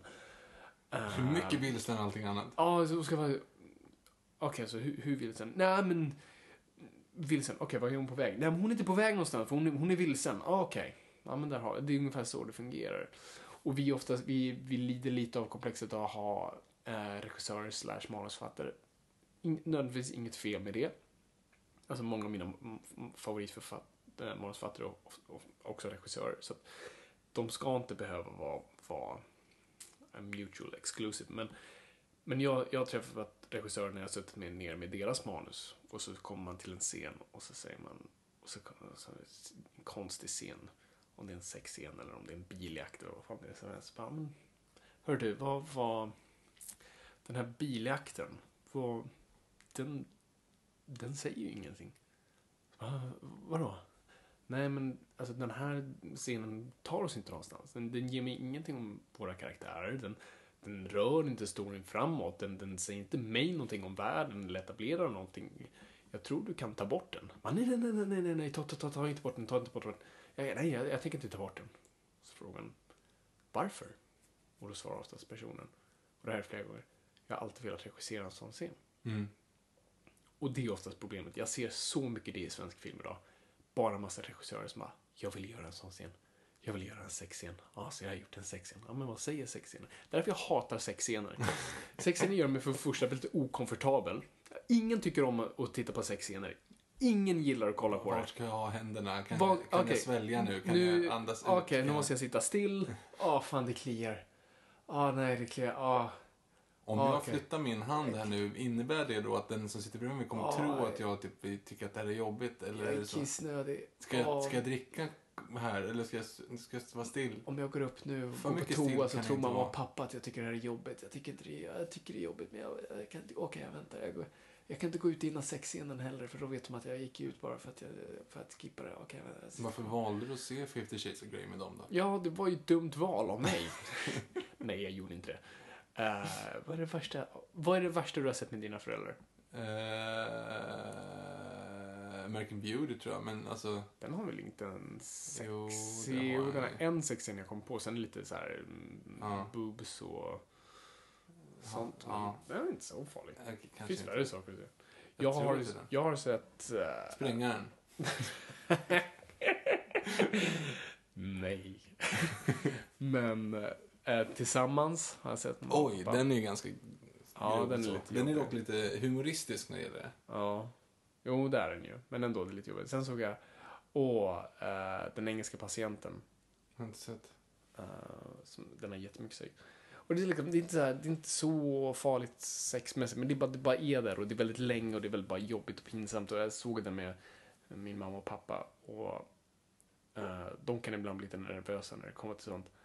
Vi alla blir nervösa, man märker det på stämningen. Och så råkar min far kläcka ut. Vad gör de? Eh, för jag tror att vi genuint inte visste vad de gjorde. Och min mor sa, de älskar! Eh, och jag grävde en grop i min soffa. Och jag har inte kommit ut där än idag. Jag, jag kan inte se dem i ögonen längre. Eh, men så, du- så, så den, den Det kom- vore ändå ganska intressant att sätta sig, till exempel morföräldrarna som inte direkt speciellt vana vid det där, Mm. vid den typen av filmer och visa dem shame. Mm. ja, den har jag inte sett. Jag, jag såg en gång Sin City hemma hos mormor och morfar. Under så här, när den här precis hade kommit på DVD och jag ville så gärna se den så bara, fan jag ser den hos mormor och morfar. Och så kom de in någon gång så var det en riktigt awkward scen och så bara var det bara där pausat. Du har inte, du har inte sett Nymphomaniac med dem eller Nej, Antichrist? den, in, nej, den såg, den såg jag med dig. Det, är- det är en av de bästa bioupplevelser jag har haft.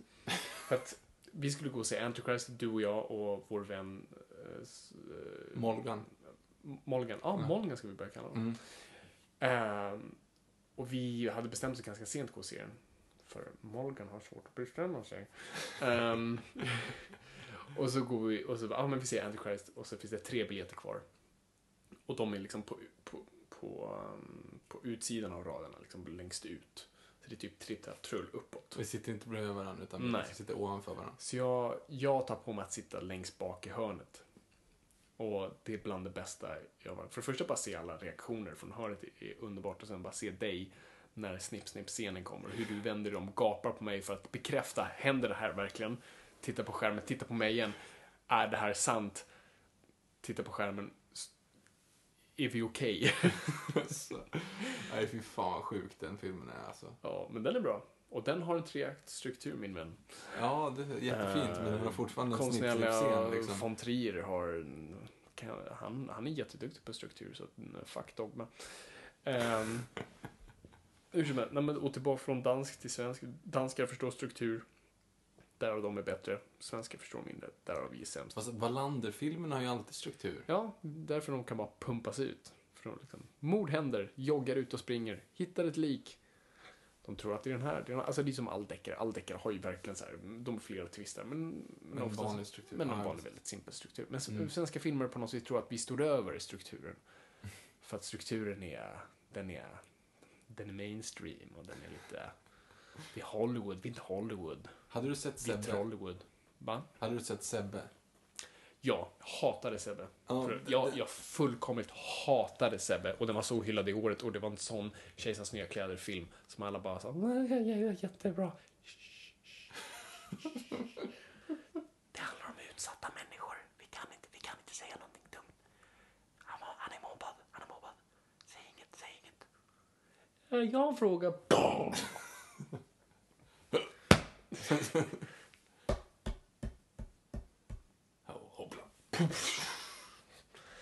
um, ja, nej men så, nej, se, och än en gång, Sebbe hade ingen struktur.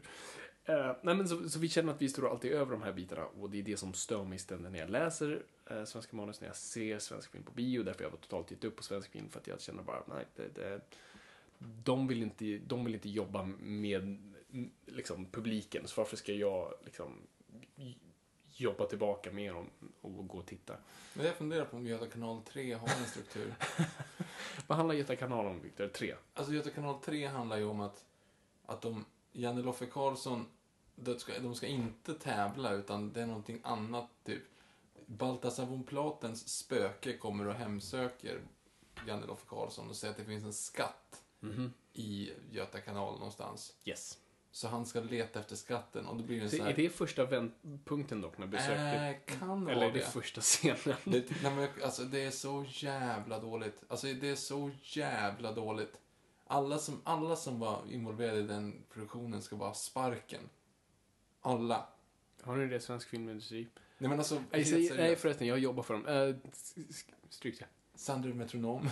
Var det Sandro Metronom? Då, då är det okej. jag jag. Nej, men alltså, det, det, jag, jag fattar inte hur, hur de släppte igenom den, alltså. Det är så, det är, det är så dåligt. Det är pengar. Göta Det kanal är 2 så hade ju typ dåligt. så här 500 000.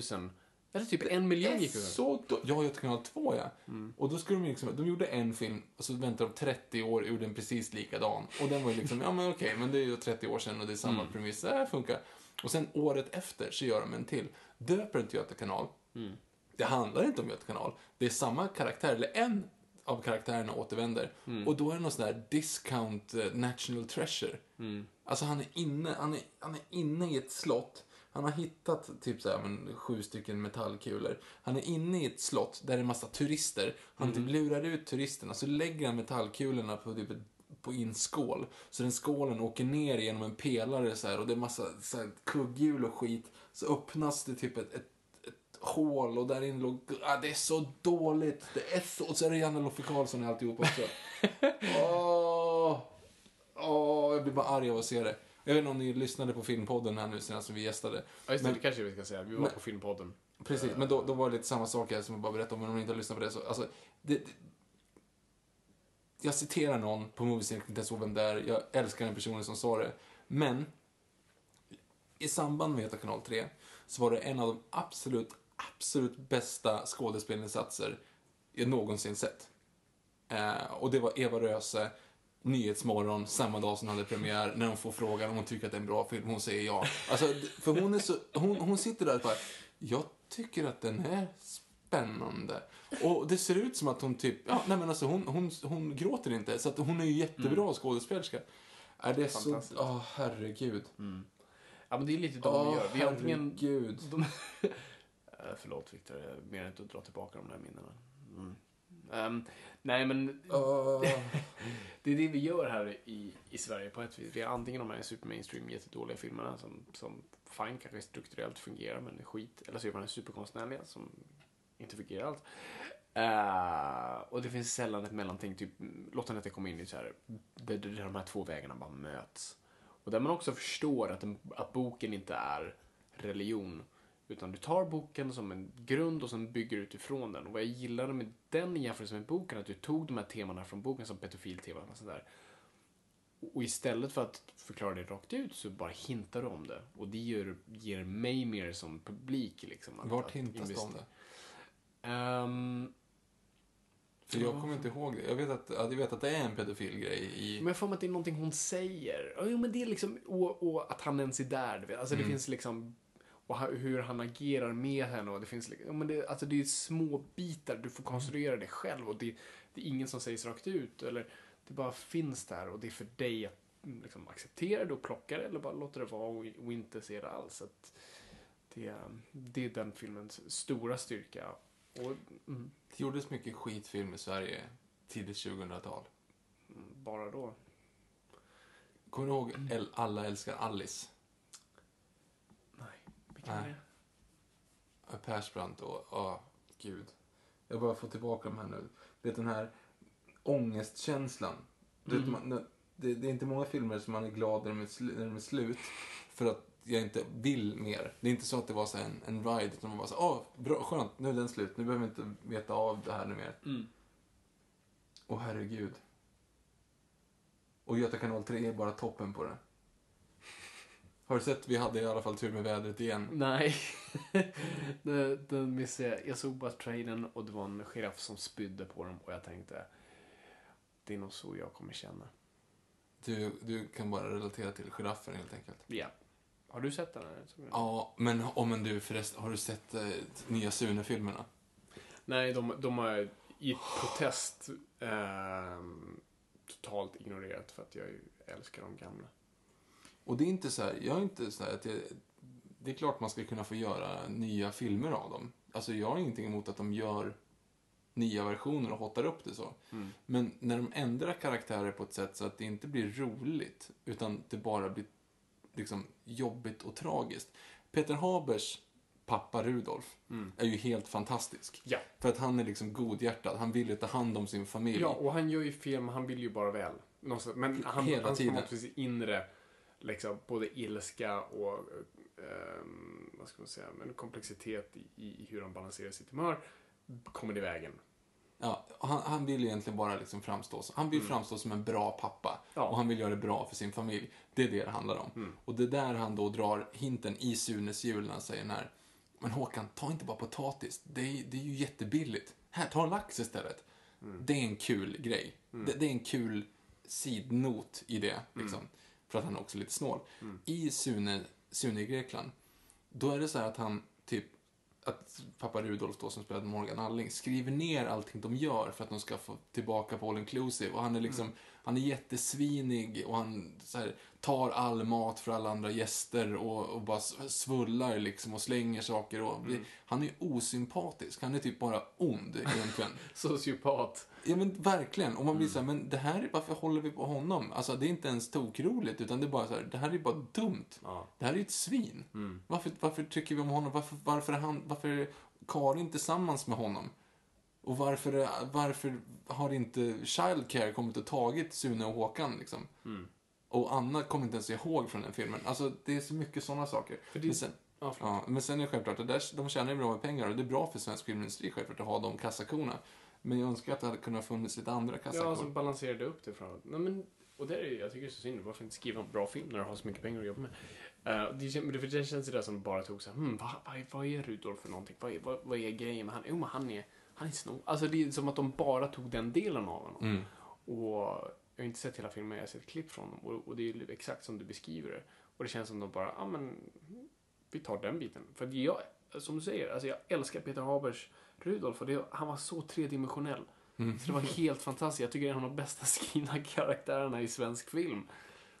För att jag såg typ min pappa i honom och jag såg liksom, jag såg mig själv och jag såg andra. Jag förstod hur hans hjärna fungerade. Hur han tänkte ut saker. Och som du säger, han, i slutändan vill han bara väl, hur fel det än går. Liksom, Och så som- låter han, han låter det gå ut över typ SJ. Alltså, Ja, han, står och, han- han står och svär liksom Precis, på, för det är ingen som kan liksom konfrontera honom. Men för det är ju samma sak som när han liksom möter det här liksom basketlaget. Mm. Och han ska ta kaffe, men det är för att ingen är där. Mm. Och så tar han sig på bar gärning och så måste han liksom jobba sig ur den situationen. Nej, medan Morgan Allings, eh, han är bara ond. Ja, han hade ju liksom tagit kaffet. Han hade och- tagit, nej, nej, nej, han hade tagit hela termosen, tagit upp det på sitt rum och sen suttit och druckit allting själv. Liksom. Och medvetet inte gett till någon annan. Liksom. Ja, och sagt fullt ut det fula ordet till basketlaget. Ja, och menat det. Ja,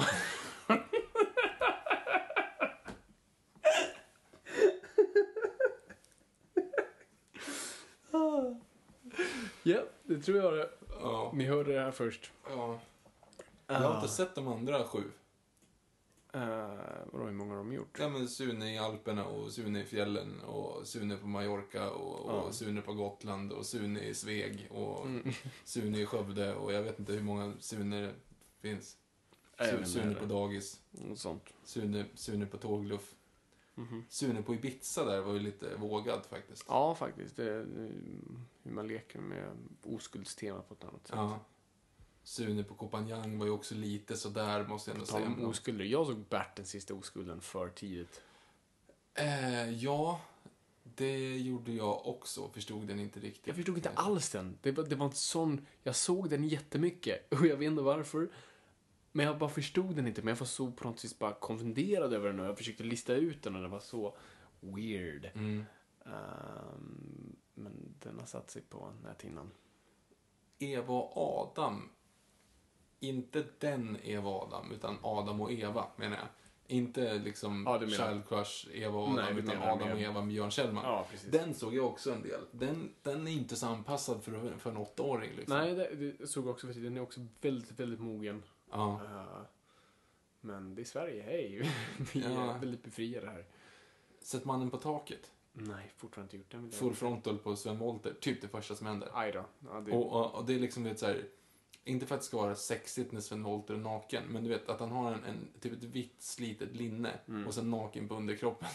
På tal om sånt, och det, den gör mig fortfarande riktigt jävla himlen oskyldigt blå. Fy helvete. Alltså, filmen Fantastisk fine, film men, övrigt, men, måste jag säga. men, men inledningsscenen gör mig fortfarande så jävla provocerad och arg. Och det är inte för att jag är... jag- Moralisk. Nej, Moralkaka. Moralkaka. Eller, vad heter det? Heterosexuell. Ja, nej. Penisskräck. Ja, Sugen. Säkert, lite det också. Katolsk skuld. Nej, men ehm, hur som helst. Den öppnar med ja, rakt, en avsugning. Eller inte ens det, en, en awkward avsugning. Och än en gång hur dålig är på att göra inledningar. Den, den är bara jobbig på ett jobbigt sätt, inte på ett roligt sätt. Den säger ingenting om filmen och karaktären. Uh, det, jo, det gör den. Det gör den faktiskt. Jag kommer ihåg att, är lite... nej, du kommer ihåg att du, jag kommer ihåg att du sa det innan, så här, du kommer kräkas på första fem minuterna för att det är så dåligt skrivet. Men det är inte det, utan grejen är så han är hemma hos en tjej. Ja. Och hon typ börjar leka med penis och så säger hon så här, på ett, det här, vi går vidare på ett villkor, att du stannar kvar här en natt. Han säger, nej men jag kan inte det. Och då slutar hon. Och så klipper det till att han är på moppen hem. Och det första han gör när han kommer hem är att gå och lukta på sin pappa om han är full.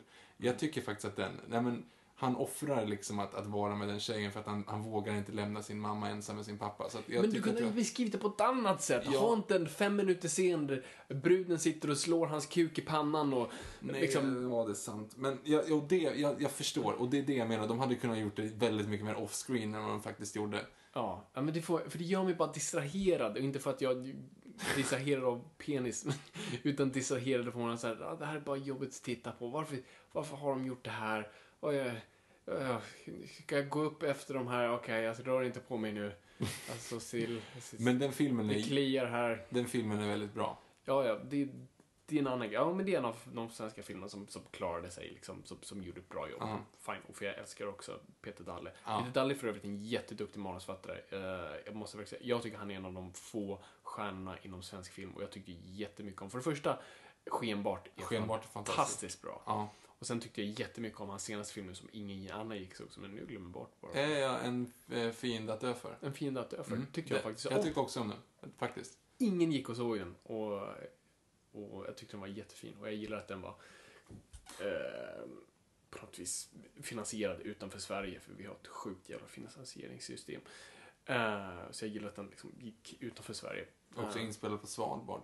mm. Eh, jag var på Svalbard sommaren efter den hade släppts. Mm. Och då, sa, då pratade de om, om den. Jag pratade med en, en inföding, tänkte jag säga, en norrman. Eh, och han tyckte att den var jättedålig och jag fattade inte alls vad han menade. Han tyckte inte att alls att den funkade liksom. Vad var hans... Nej, jag vet inte. Beef. Han bara tyckte att den var dålig. Mm. Alltså, jag tycker det är en grym premiss. Ja, det är alltså... Det, det, För, för ni premiss. som inte har sett eh, En fiende bland oss. Alltså, vi kan ta en snabb premiss. Fiende att dö Fiende att dö- fiende att dö för. Alltså, det är en, en båt som åker upp till, ehm, till Svalbard med ett forskningsteam, liksom, Mm. expedition. Eh, och så bryter värld, andra världskriget ut. Ja, för de har där då en, en svensk, en engelsman, En och en tysk. och det är en jude också va? Som är typ engelsk jude om inte någon Fast det är första världskriget, inte andra världskriget. Nej, Nej, andra världskriget. Det är andra, förlåt, Andra andra världskriget. Ja, precis. Så de har typ de, många nationer där. Och så bryter andra världskriget ut så att de ska egentligen vara fiender liksom. Men de har jobbat tillsammans Men också, de söker efter Pangea. Eller, vad ska man säga, de söker efter grunden av Pangea. De säger alltså kontinenten Ja. som band oss samman. Och det är det som också är så fint tematiskt, att så här, vi söker det som förde oss samman, men samtidigt så händer det i världen som splittrat oss mer än något annat event. Och det är som bara, ah, så himla snyggt. Så Peter Dalle, hör du det här, vilket du säkert inte gör. Du Nej, det är klart han inte gör det. Klippa. Men är det någon som lyssnar på det här som känner Peter Dalle så ge honom en, en high five och hälsa från stor oss. kyss. Och hälsa från Noipod. Hälsa från Fabian. Kyss honom. Hälsa från Fabian. Lite på örat. Hälsa från Fabian! Nej men den, den gillar. Och sen så självklart så Yrrol är en kolossalt genomtänkt film. Alltså, jag kan se den hur många gånger som helst. Ja, ja, oh ja. Eh, jag vill se den nu. Jag, vill, Jag, jag, vill, jag skulle kunna se den nu. Ja, det är samma här. Inget är för nörd. Hej då. Ehm, nej, men jag tycker han, han är en av de få faktiskt som fungerar. Men också kollar man på Bergman. Bergman där är väldigt duktig på, på struktur. Mm, inte alltid, men, men, men ofta faktiskt. Kolla på Persona för Alexander Sjödin-serien. Det finns liksom en tight struktur där. Men eh, det jag tycker är svensk film. Yay! Peter Dalle. Yay! Yay! Ja, vi kan, vi kan runda av här. Uh, själva manusdelen av det. Ja, alltså kort och gott liksom. Manus handlar om struktur och att dölja den strukturen framför allt. Och det handlar om att manipulera dig som, som tittare. Och det jag har sagt nu ska du egentligen inte märka. Och det kanske du har ändå, det kanske du inte behövt mig för. Uh, men jag tycker struktur är väldigt intressant och jag älskar struktur. Uh, för, och folk har alltid en fuck you-attityd till det. Liksom, Uh, fuck the system som svenskar alltid har. Eh, men strukturen finns där av en anledning och det är därför den fungerar. Och utmaningen ligger snarare i att dölja den än att använda sig av den. Och när du istället går ifrån strukturen, då tar du faktiskt den enkla vägen. När du tror att du går den svåra vägen. Så att, och det är därför oss går åt helvete. Så att, eh, struktur, det är nice. Vi gillar det här. Vi gillar struktur.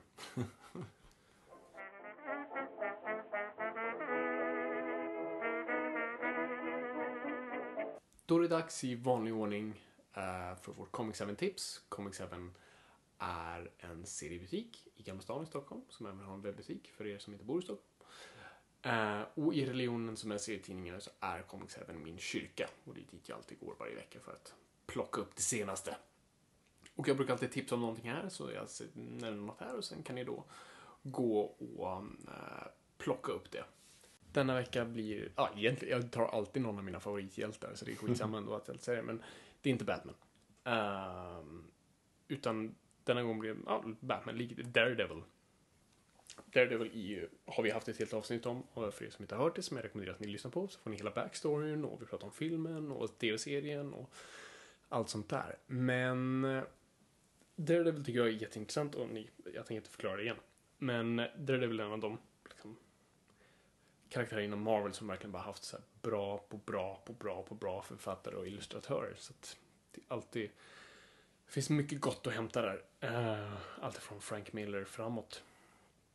Men det jag skulle vilja upplysa, och det är faktiskt samma författare som jag nämnde förra gången jag pratade om Captain America Winter Soldier, Season, skriven av Ed Brubaker. Och det är Ed Brubaker igen, när han tog över Daredevil-boken. Och jag skulle vilja rekommendera liksom den första delen, som är, och den heter bara Ed Brubaker Daredevil volym 1. Och eh, det handlar precis om att Daredevil, eh, Matt Murdock, sitter i finkan. Eh, bland alla skurkar, för att han misstänks vara Daredevil. De har nu lyckats få in honom på en teknikalitet. Och han sitter nu i finkan med andra. Och för de har också lyckats se till så att han får typ vara bland vanliga fångar trots att han är blind. För de misstänker inte längre att han är blind. Och Matt Murdock måste egentligen bara klara sig där inne. Och samtidigt, samtidigt ta sig därifrån. Och samtidigt följer vi Foggy på andra sidan och han försöker få ut honom på andra sidan. Och det blir liksom en flykten från Alcatraz med mix av Daredevil-serien och mitt med eh, ett eh, courtroom drama, A few good men och allt det där. Och jättebra karaktärsgestaltning av att Matt, Matt Murdock är. Och den sätter upp det hela Daredevil-karaktären för liksom ett nytt årtionde. Och är skriven i noir, precis som Daredevil bör vara, i, i klassisk noir-form. Och, och, och den min, en av mina, jag tror min absoluta favoritillustratör har ritat den här boken. Han heter Michael Lark.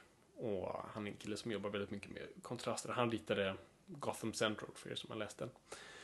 Uh, snubbe som lägger väldigt mycket med kontraster och liksom, det är mycket detaljer men samtidigt inte. Och väldigt duktig med hur han komponerar bilder och rutor och sånt.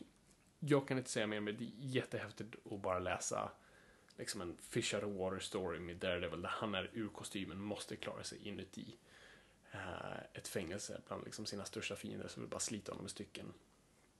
Och jag skulle, ja, jag, rakt av bara fan rekommendera den starkt. Det, det är nog bland mina absoluta favoriter bland, bland Daredevil och anledningen varför jag inte tipsar om den i den podden då för att jag tänkte att den kanske inte är den bästa introduktionen men jag, jag tycker fortfarande, har du inte läst så mycket kan du fortfarande hoppa på den och särskilt om du har sett tv-serien och vill liksom läsa någonting så kanske inte är en origin story eller något sånt där så att hoppa på den. Jag tror, jag, jag slår vad om, om den här tv-serien håller länge så kommer eh, absolut omköra den här storyn i tv-serien och Punisher dyker upp i den här, vilket han även kommer göra i säsong två. Så att plocka upp den vet jag.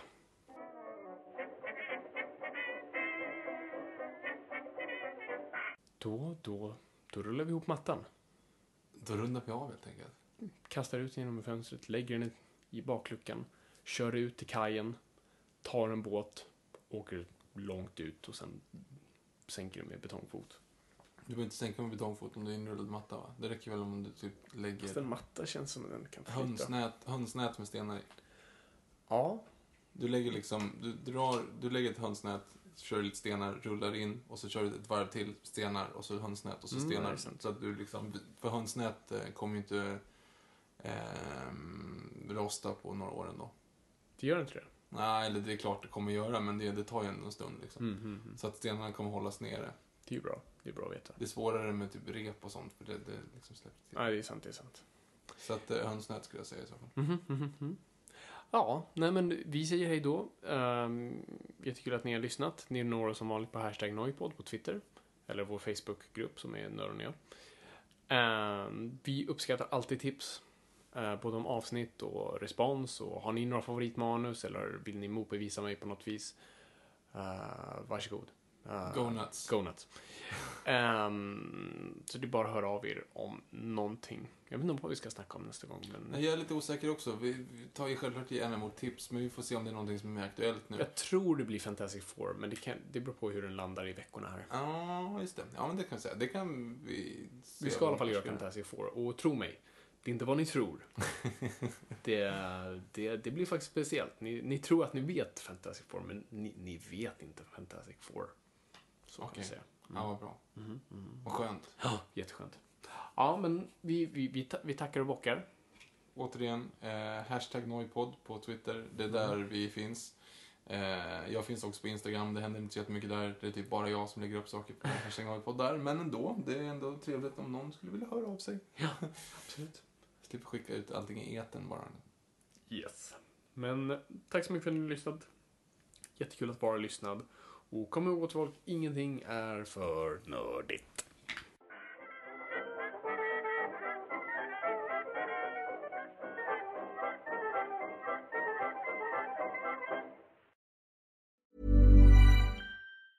Ever catch yourself eating the same flavorless dinner three days in a row? Dreaming of something better? Well, HelloFresh is your guilt-free dream come true, baby. It's me, Kiki Palmer.